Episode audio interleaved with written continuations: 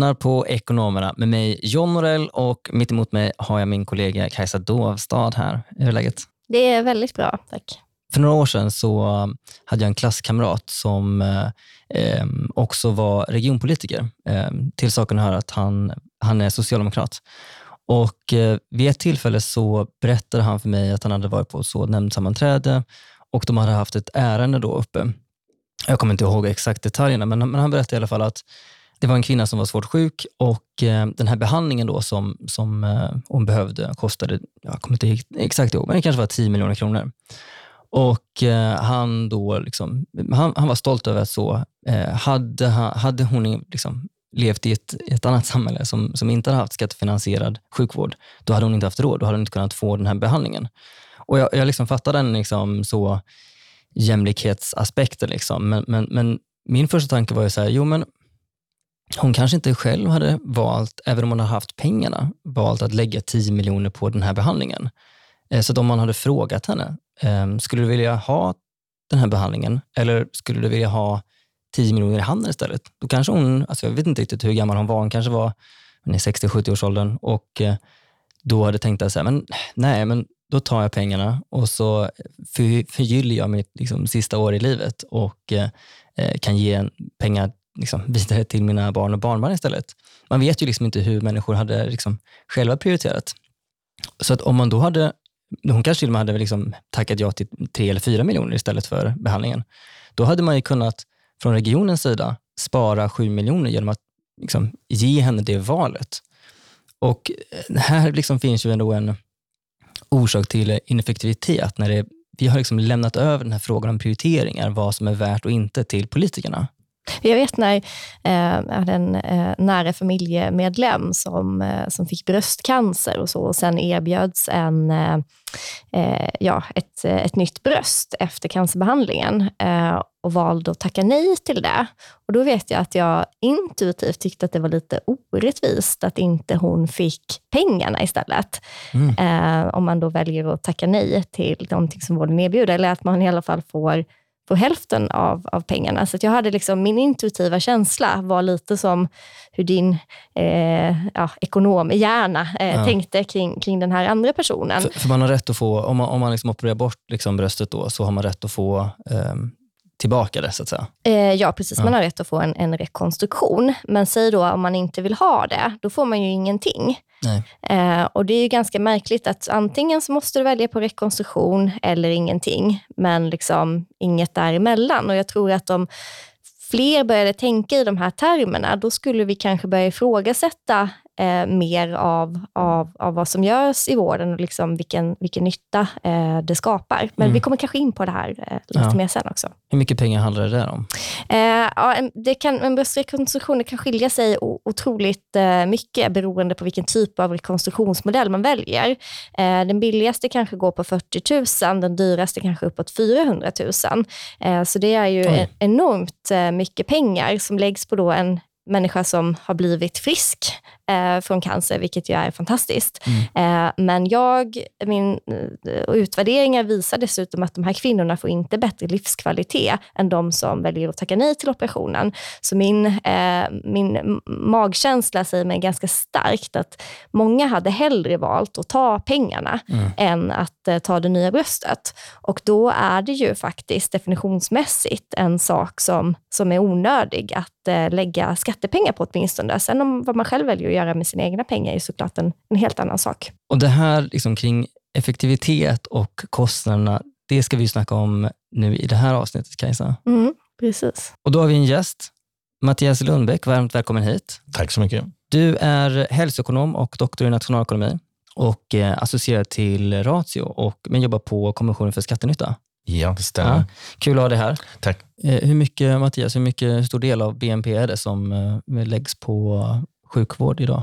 Ehm, I Sverige är det 11 procent. 11 procent. Ja. Mm.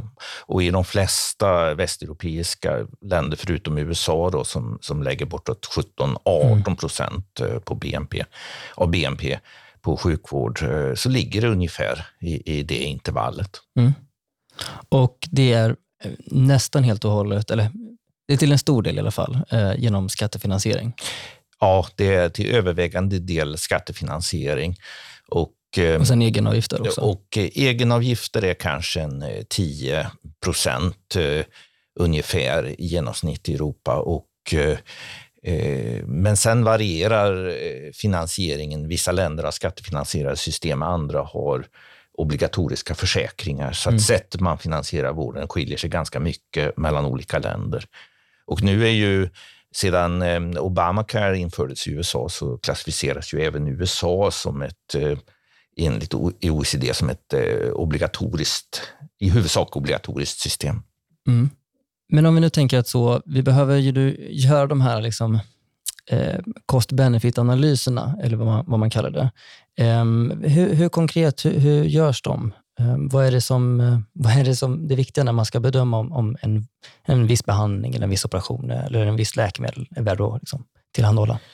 Ehm, ja, man kan ju titta på olika sätt. Ehm, ett sätt är ju att man eh, försöker beräkna ett fiktivt värde av ett människoliv. Det låter ju cyniskt, men, men och det är ju en metod som till exempel Trafikverket har använt och är kända för. Att man eh, tittar på hur mycket skulle vi vara beredda att lägga av samhällsresurser eh, för att undvika en ytterligare trafikolycka, kanske genom att eh, bygga räcken på broar och annat.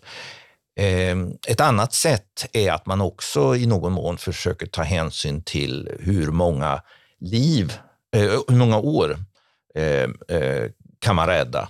Och då, då kan man ju få olika resultat om man till exempel räddar en 25-åring jämfört med om man räddar en 85-åring.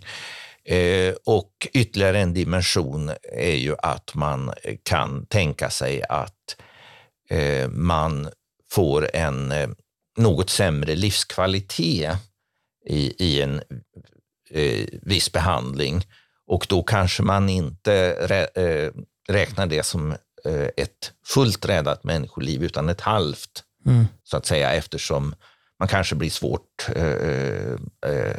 funktionshindrad efter behandlingen till exempel, eller no någonting sånt. Och det, det mått man brukar använda för att eh, beräkna, när man pratar om, om, om värdet, det fiktiva värdet då av, av, ett, eh, av ett år, eh, det är quali, quality adjusted life years. Så man tar i beaktande då hur hur livskvaliteten av de, de, det specifika, eller ett, ett eh, levnadsår. Då. Ja, ja. ja, Och så ska man då väga dem liksom, gentemot då, vad, vad kostar den, så att säga. Då väger man eh, olika eh, åtgärder och olika patientgrupper. Man, det är ju sällan man väger enskilda patienter mot varandra förstås, men, men, men, men man tittar på olika behandlingar och tittar och framför allt så, så eh, har man ju använt eh, hälsoekonomiska bedömningar inom eh, när det gäller läkemedel. Eh, vilket pris kan man motivera för ett eh, läkemedel som introduceras på en ny marknad? Då blir det en liten dragkamp mellan läkemedelsföretagen som vill ha ett visst pris och sen eh, eh, sjukvården då eh, som vill inte, kanske inte betala mer än ett viss, en viss summa då per eh, räddat människoliv. Så att, eh, så att vi, vi kanske kan ta ett eh, så konkret exempel. Om vi tänker nu en, en person som är 80 år, som har en sjukdom och eh, det finns en behandling då som skulle kunna förlänga den personens eh, liv med fem år, men skulle få en liksom, kraftigt nedsänkt liksom, livskvalitet de här ytterligare fem åren. Då, är det, då, då räknar man liksom fem fem år och så gånger 0,5 då kanske? Ja, ungefär. Hur mycket, hur mycket sen, vad är liksom betalningsviljan för ett sånt här quali-år? Eller så, hur mycket är man villig liksom från, från eller det, det kanske inte är samma i alla delar av eh, det, det, varierar ju väldigt mycket på grund av etiska principer som gör att man inte hamnar på samma nivå. Men man kan säga i snitt 500 eh, 000 eh, till en miljon ja. per, per kvali. Men problemet som jag ser väl är väl att alltså på läkemedelssidan så har man ju ganska länge jobbat på ett strukturerat sätt med det här och, och, och, det har gjort att att eh, de subventionerade läkemedlen är, är mer rättvisa, eh, medan i den övriga vanliga sjukvården, eh, då tänker man inte så mycket på det här överhuvudtaget. Och då blir det ju sådana situationer som att, ja men ta då en, en bröstrekonstruktion för 150 000 mm. och vi har statistik som visar på att kvinnorna inte blir lyckligare efteråt och det är ingenting som förlänger livet. Det är alltså noll kolli för 150 000. och, och, och, och på andra, i andra vågskålen så har vi då andra åtgärder som eh, kanske skulle behöva eh, utföras. Så att vi får liksom inte ut eh, rätt kollis på rätt ställen i systemet, för att man, man, man arbetar inte med det här på ett strukturerat sätt inom vården. Var, vem är det som fattar beslut om, om läkemedlen? Det är Tandvårds och läkemedelsförmånsverket, alltså TLV. Sen så kan mm. regionerna fatta enskilda eh, beslut också, men det, det stora är TLV. Ja. Och, de, och de är väldigt duktiga på att göra de här liksom, eh, analyserna av vad, vad liksom hur mycket extra livskvalitet eh, och hur många år som, som ett, eh, en viss läkemedel skulle då ge. Ja, precis. Och så har de väldigt strukturerade liksom, beslutsstöd. Det kritiseras ibland. Det har varit en diskussion nu om, om särläkemedel mot cystisk fibros, som är en ovanlig eh, men ganska plågsam sjukdom, eh, som TLV har vägrat att beviljat, men nu har man ändrat sig. Och Det är för att man har räknat upp värdet hur man diskonterar ett liv liksom i, i framtiden, så att man har ändrat på sina beräkningsmodeller. Eh, alltså grann. överlag eller bara för just den här? Eh, jag förstår det som överlag och det hoppas jag verkligen, för annars vore det ju orättvist gentemot andra patientgrupper. Men det finns i alla fall en, en levande diskussion kring exakt hur de här modellerna liksom ska, ska viktas och vägas, som mm. är, är, är nyttig. så. Men det finns ändå i grunden ett ett strukturerat eh, tänk som gör att det blir rättvist mellan olika patientgrupper. Ja. Medan i den vanliga vården, så visst, det finns en etisk plattform som riksdagen har beslutat om, men eh, resursfördelningen mellan olika patientgrupper, den beror i stor utsträckning på historik. Eh, I den här regionen är det en väldigt eh, aktiv kardiologklinik som är väldigt duktig på att eh, argumentera till sig ny utrustning. Den beror på vilka patientorganisationer det är som är duktiga på att skapa opinion för sin sak, samla in pengar för sin sak.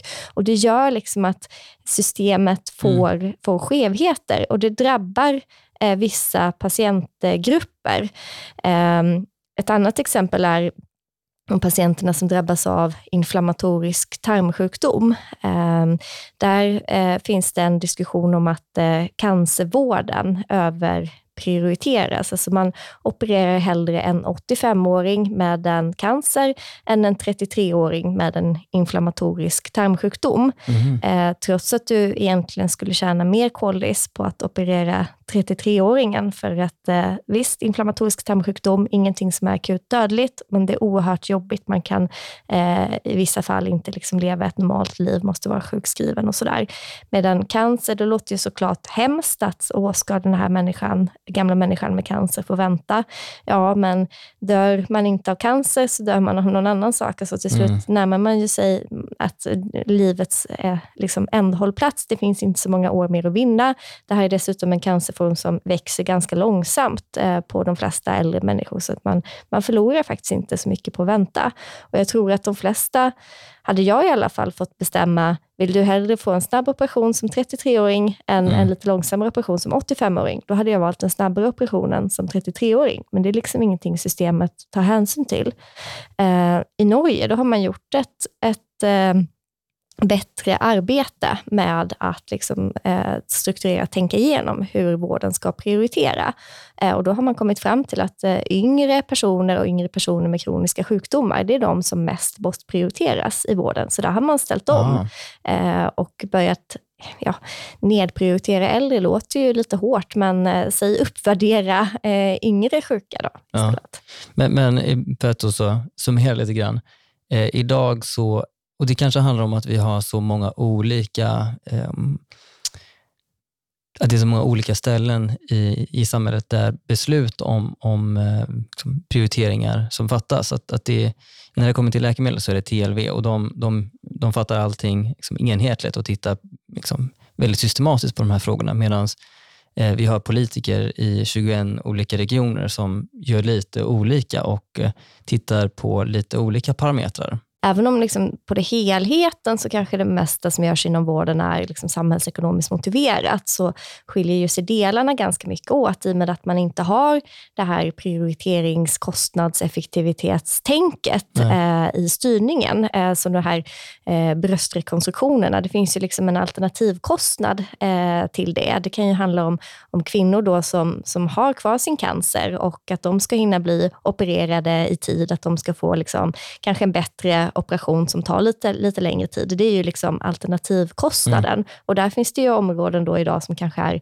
är underprioriterade. Eh, så man kan tänka typ benskörhet är väl en sån sjukdom som man brukar prata om, som är underdiagnostiserad, eh, underbehandlad. Och där, där det sannolikt eh, är så att många skulle vilja eh, ta behandlingen ja. eh, istället för, eh, för den ganska låga kostnaden som, som behandlingen eh, innebär. Så det finns ju liksom en skevhet ibland, här. Precis, ibland, ibland har vi överkonsumtion och ibland har vi underkonsumtion. Liksom. Ibland precis. Sker, liksom, det finns fel, felprioriteringar åt båda hållen. Ja.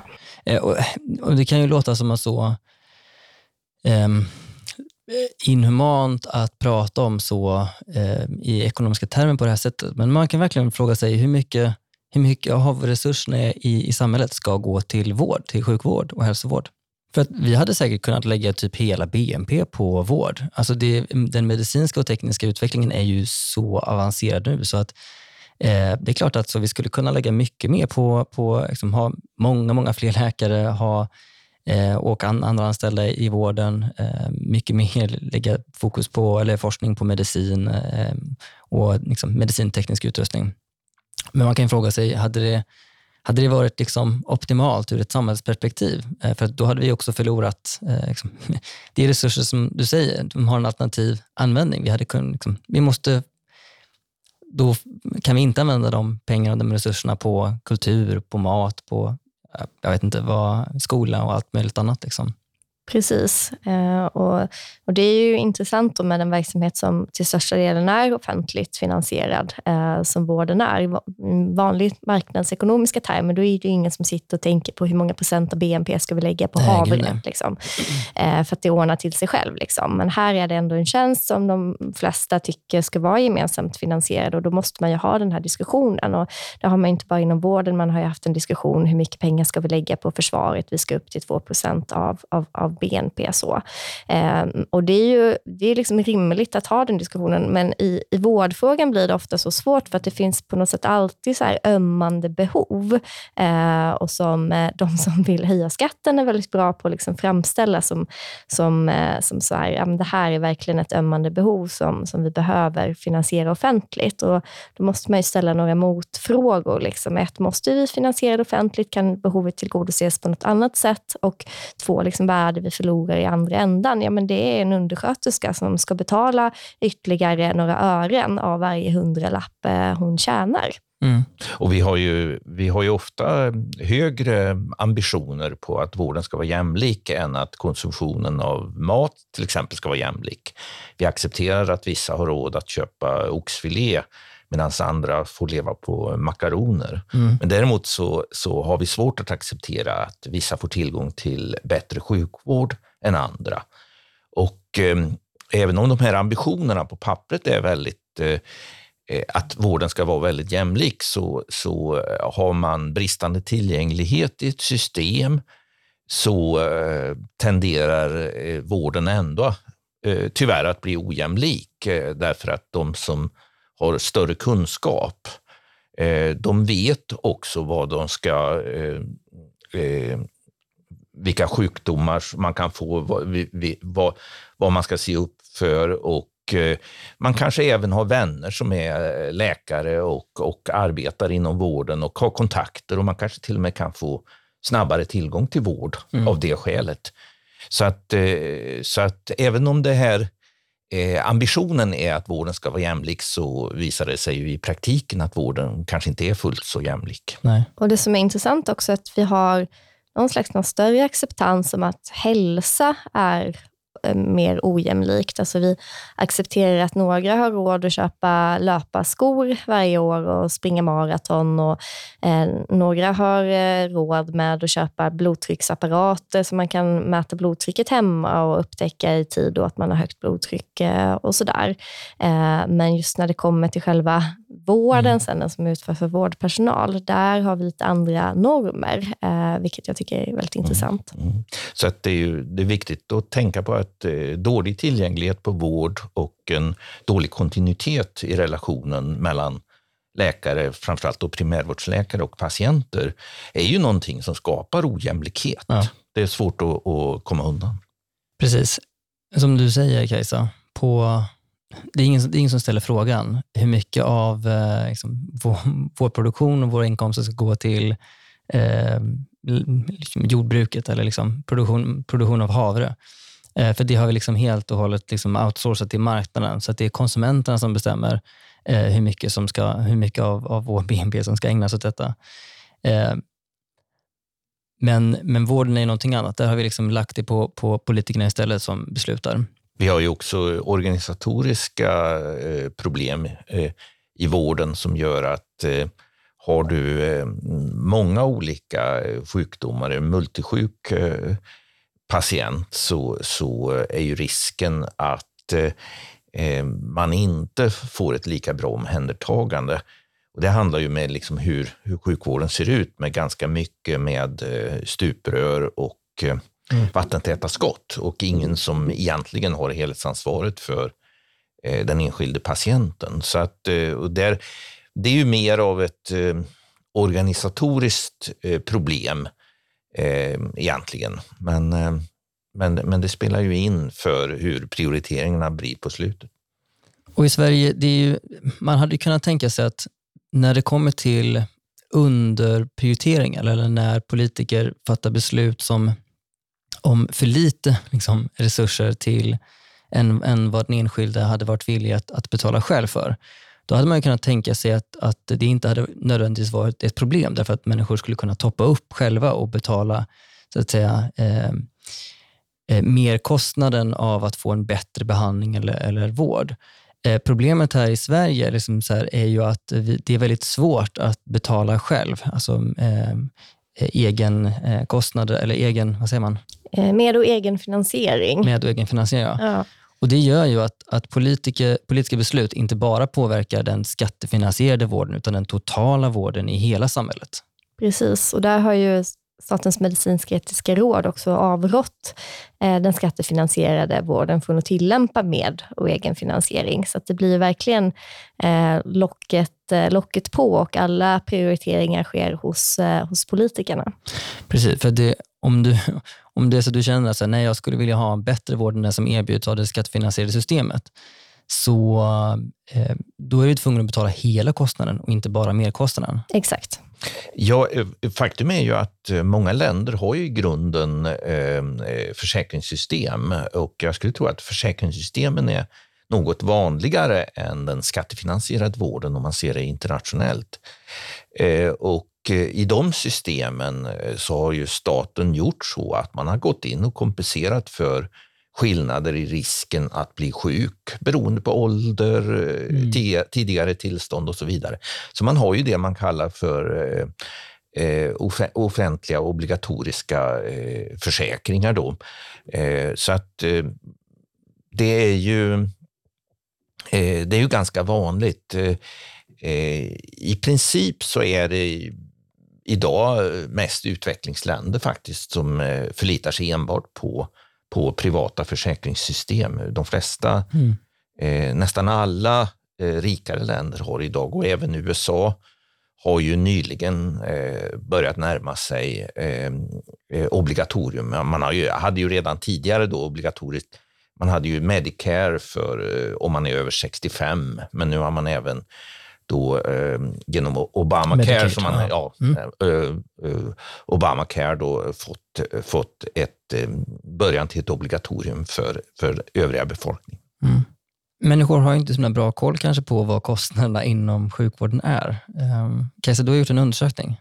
Ja. Du, har, du har bett Demoskop göra undersökning. Precis. Eh, vi, vi, frågade då eh, hur mycket eh, folk tror att ett vårddygn kostar. Mm. Eh, och eh, man kan väl säga att 64 procent tror att ett vårddygn kostar under, under 5 000 kronor. Eh, och det verkliga priset då när den här undersökningen gjordes, det var 9 300 kronor. Eh, nu såg jag nyss nya siffror som visar att eh, man räknar med att ett vårdin kostar 10 500 kronor i, i snitt. Eh, så det är en ganska kraftig underskattning. Eh, folk, folk tror att det kostar typ 5 000? Precis. Eller kanske, ja, det var, de flesta tror att det kostar mindre än det? De allra flesta tror att det kostar mindre och ganska mycket mindre än vad det faktiskt, eh, faktiskt kostar. Mm. Och Det gör ju kanske att förväntningarna och trycket på att, att man ska få kunna läggas in på sjukhus eh, är liksom högre, för att folk tänker att det här är inte en så dyr utgift ändå, eh, medan det i själva verket eh, är extremt dyrt och en resurs som, som man verkligen behöver, behöver hålla på. Det kostar runt 10 000 att bli inlagd på sjukhus idag? Ja, Ett dygn då? Ja, mm. precis. Mm. För en vanlig liksom, vårdavdelning. Pratar vi intensivvård, då är det någonstans mellan 50 och 90 000 kronor Oj. per mm. vårddygn.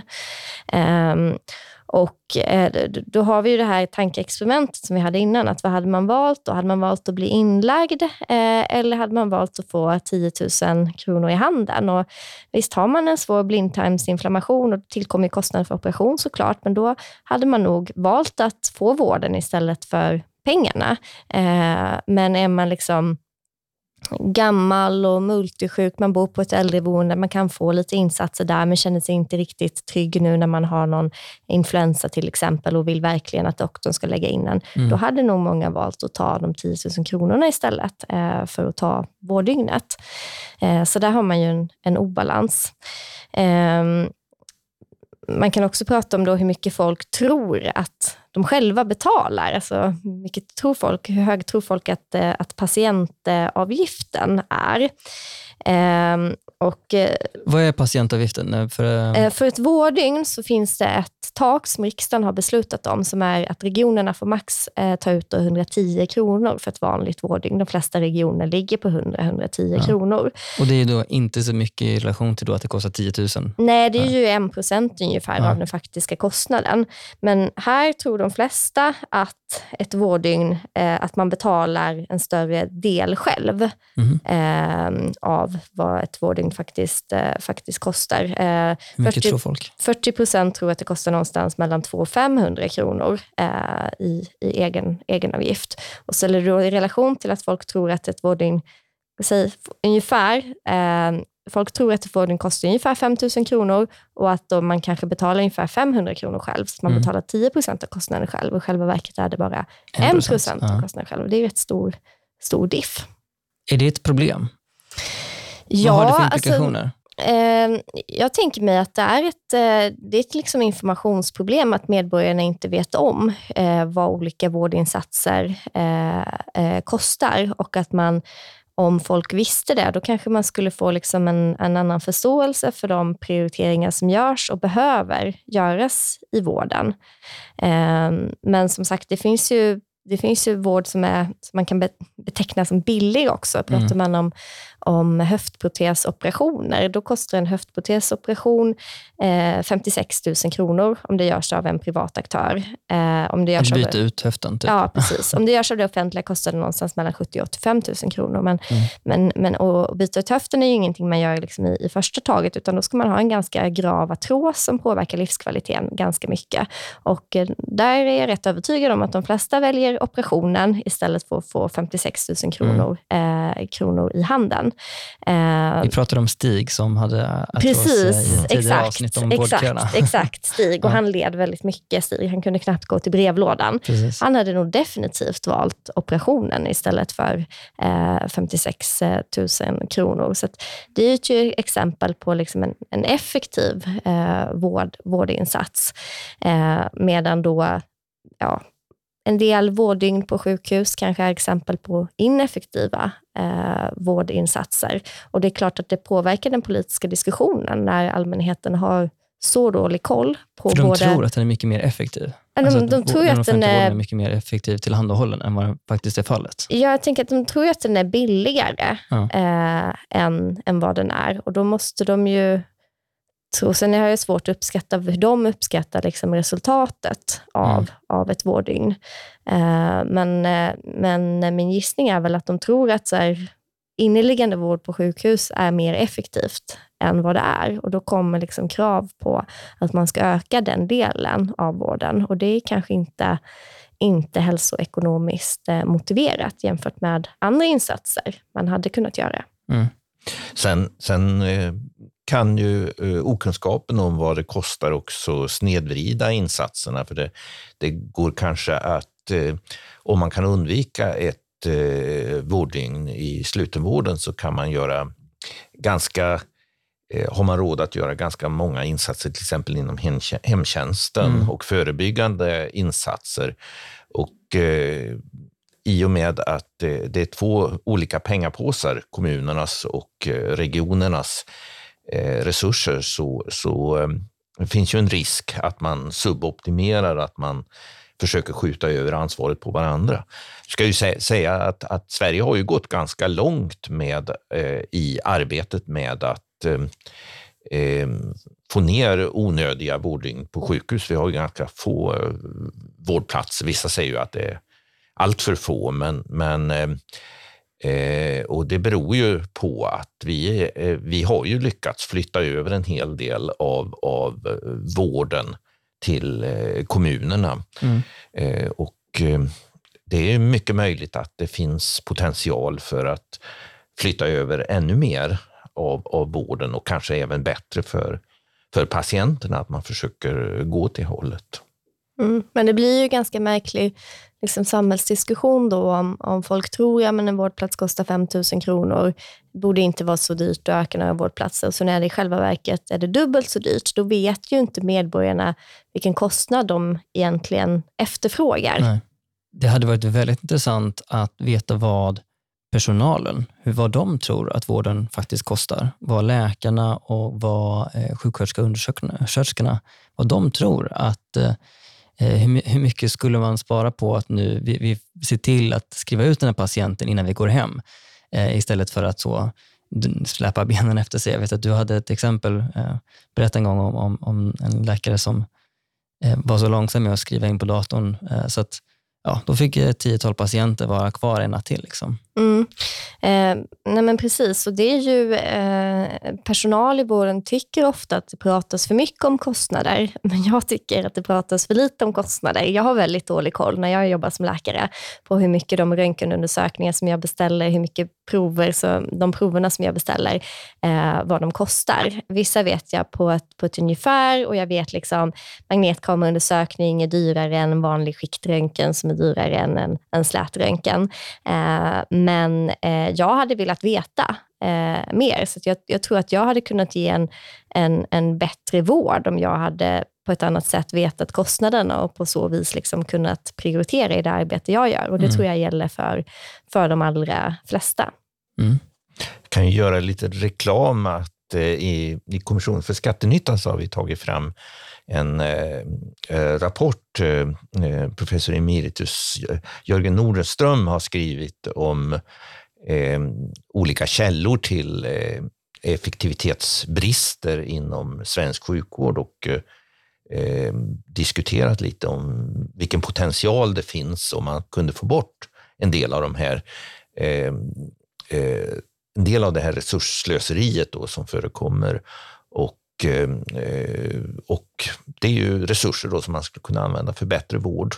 Och eh, om, om, man, eh, eh om man lyckas förändra eh, eh processerna i, i, i sjukvården. Bra övergång kanske till, eh, om vi nu ska tänka i termer av policy, några policyförslag som, som kanske hade förbättrat eh, den här prioriteringen och eh, ehm, effektiviteten i, i hur våra skattepengar används i den svenska sjukvården? Ja, men jag skulle vilja se att Sverige gör det arbete som Norge har gjort. Gör en liksom ordentlig genomlysning av hur resurserna i vården prioriteras eh, och även gör lite mer styrande riktlinjer om hur de ska prioriteras. Vi har en samhällsdiskussion idag som handlar väldigt mycket om att vård ska ges efter behov. Men det är ingen som orkar definiera vad eh, vårdbehov egentligen är. Mm. Eh, vad menar vi med det begreppet eh, egentligen? Det är väldigt liksom, löst i konturerna. Eh, så, att, så att jag vill se en, en liksom bred prioriteringsutredning och sen att man arbetar strukturerat på det sättet som man gör på TLV, eh, alltså med läkemedel, att man arbetar lika strukturerat eh, inom, inom sjukvården, så att det blir en, en mer rättvis vård. Eh, så att det inte inte liksom vad du får för vård beror på vilken, om du får en liksom diagnos som på något sätt råkar vara inne eller råkar vara förfördelad. Eller om du får en diagnos som eh, inte eh, är inne, som kanske det inte finns några stora tv-galor kring, eh, där det inte finns något liksom stark, stark del av läkarkåren som har lyckats eh, få resurser, utan att det blir, det blir en, mer, en mer rättvis och på så vis också en mer jämlik vård. Eh, jag skulle säga att det eh, stora problemet i svensk sjukvård, om man jämför eh, svensk sjukvård med andra länder, till exempel Nederländerna, Schweiz, och, eh, eh, så eh, är det att vi har ett väldigt produktionsorienterat system där vi har ansvaret är fördelat mer efter sjukdomar och organ än vad det är. Ehm, och det är ingen som egentligen har helhetsansvaret för, mm. för eh, den enskilde patienten och ansvaret för att koordinera de olika insatser eh, som ska göras. Och är det någonting som jag skulle vilja göra, jag har faktiskt tillsammans med Nils Karlsson på Ratio skrivit en bok om det, eh, så är det att vi tittar lite på de här andra länderna som har starka husläkarsystem och som har obligatoriska försäkringar och ser hur de har eh, löst det här problemet och hur de har fått en, en, en vård som är lite mer, tycker jag, patientorienterad och med eh, kortare ledtider mellan de olika eh, insatserna som görs. Eh, för det är också ett problem som vi har i, i, i svensk sjukvård, att vi har relativt långa väntetider. Och eh, när man tittar på undersökningar och jämför olika länder så ser vi att eh, svenska patienter har väldigt dåligt förtroende för framförallt primärvården. Mm.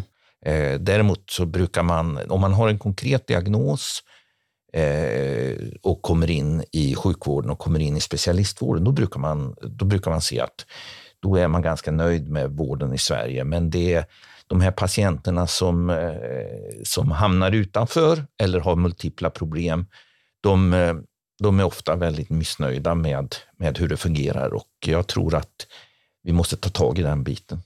Med ett helhetsansvar över all vård så hade kanske mer, man hade lagt mer fokus på och mer resurser på friskvård. Eh, I nuläget så det finns ingen som riktigt har incitament att eh, se till att liksom, den preventiva vården för att någon inte ska bli sjuk. Eh, mm. utan här, vi lägger allting på att när du väl blir sjuk, ja, men då finns det pengar. Ja, både, både den preventiva vården och eh, men även koordineringen av eh, olika insatser och uppföljningar. Mm. Eh, för det finns väldigt mycket en tendens idag att eh, man vill eh, lämpa över ansvaret på någon annan för att eh, lätta sin egen arbetsbörda. Och det, där är, det där blir väldigt destruktivt när alla gör så. Precis, det blir en slags allmänningens tragedi. Mm. Eh, fälla. Att alla olika avdelningar liksom kastar patienten ifrån sig. Precis, man maximerar liksom, eh, eller minimerar sin egen arbetsbörda, men det gör att arbetsbördan för systemet som helhet blir större. Mm. Stort tack Kajsa och Mattias för att ni var med i Ekonomerna idag. Tack så mycket. Tack så mycket.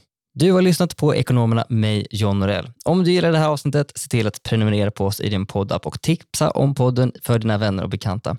Följ oss även på sociala medier. Där heter vi Ekonomerna podd på Twitter och Instagram. Ekonomerna det är en podd från Tankesmedjan Timbro och kommer ut varje torsdag. Tack för att du har lyssnat.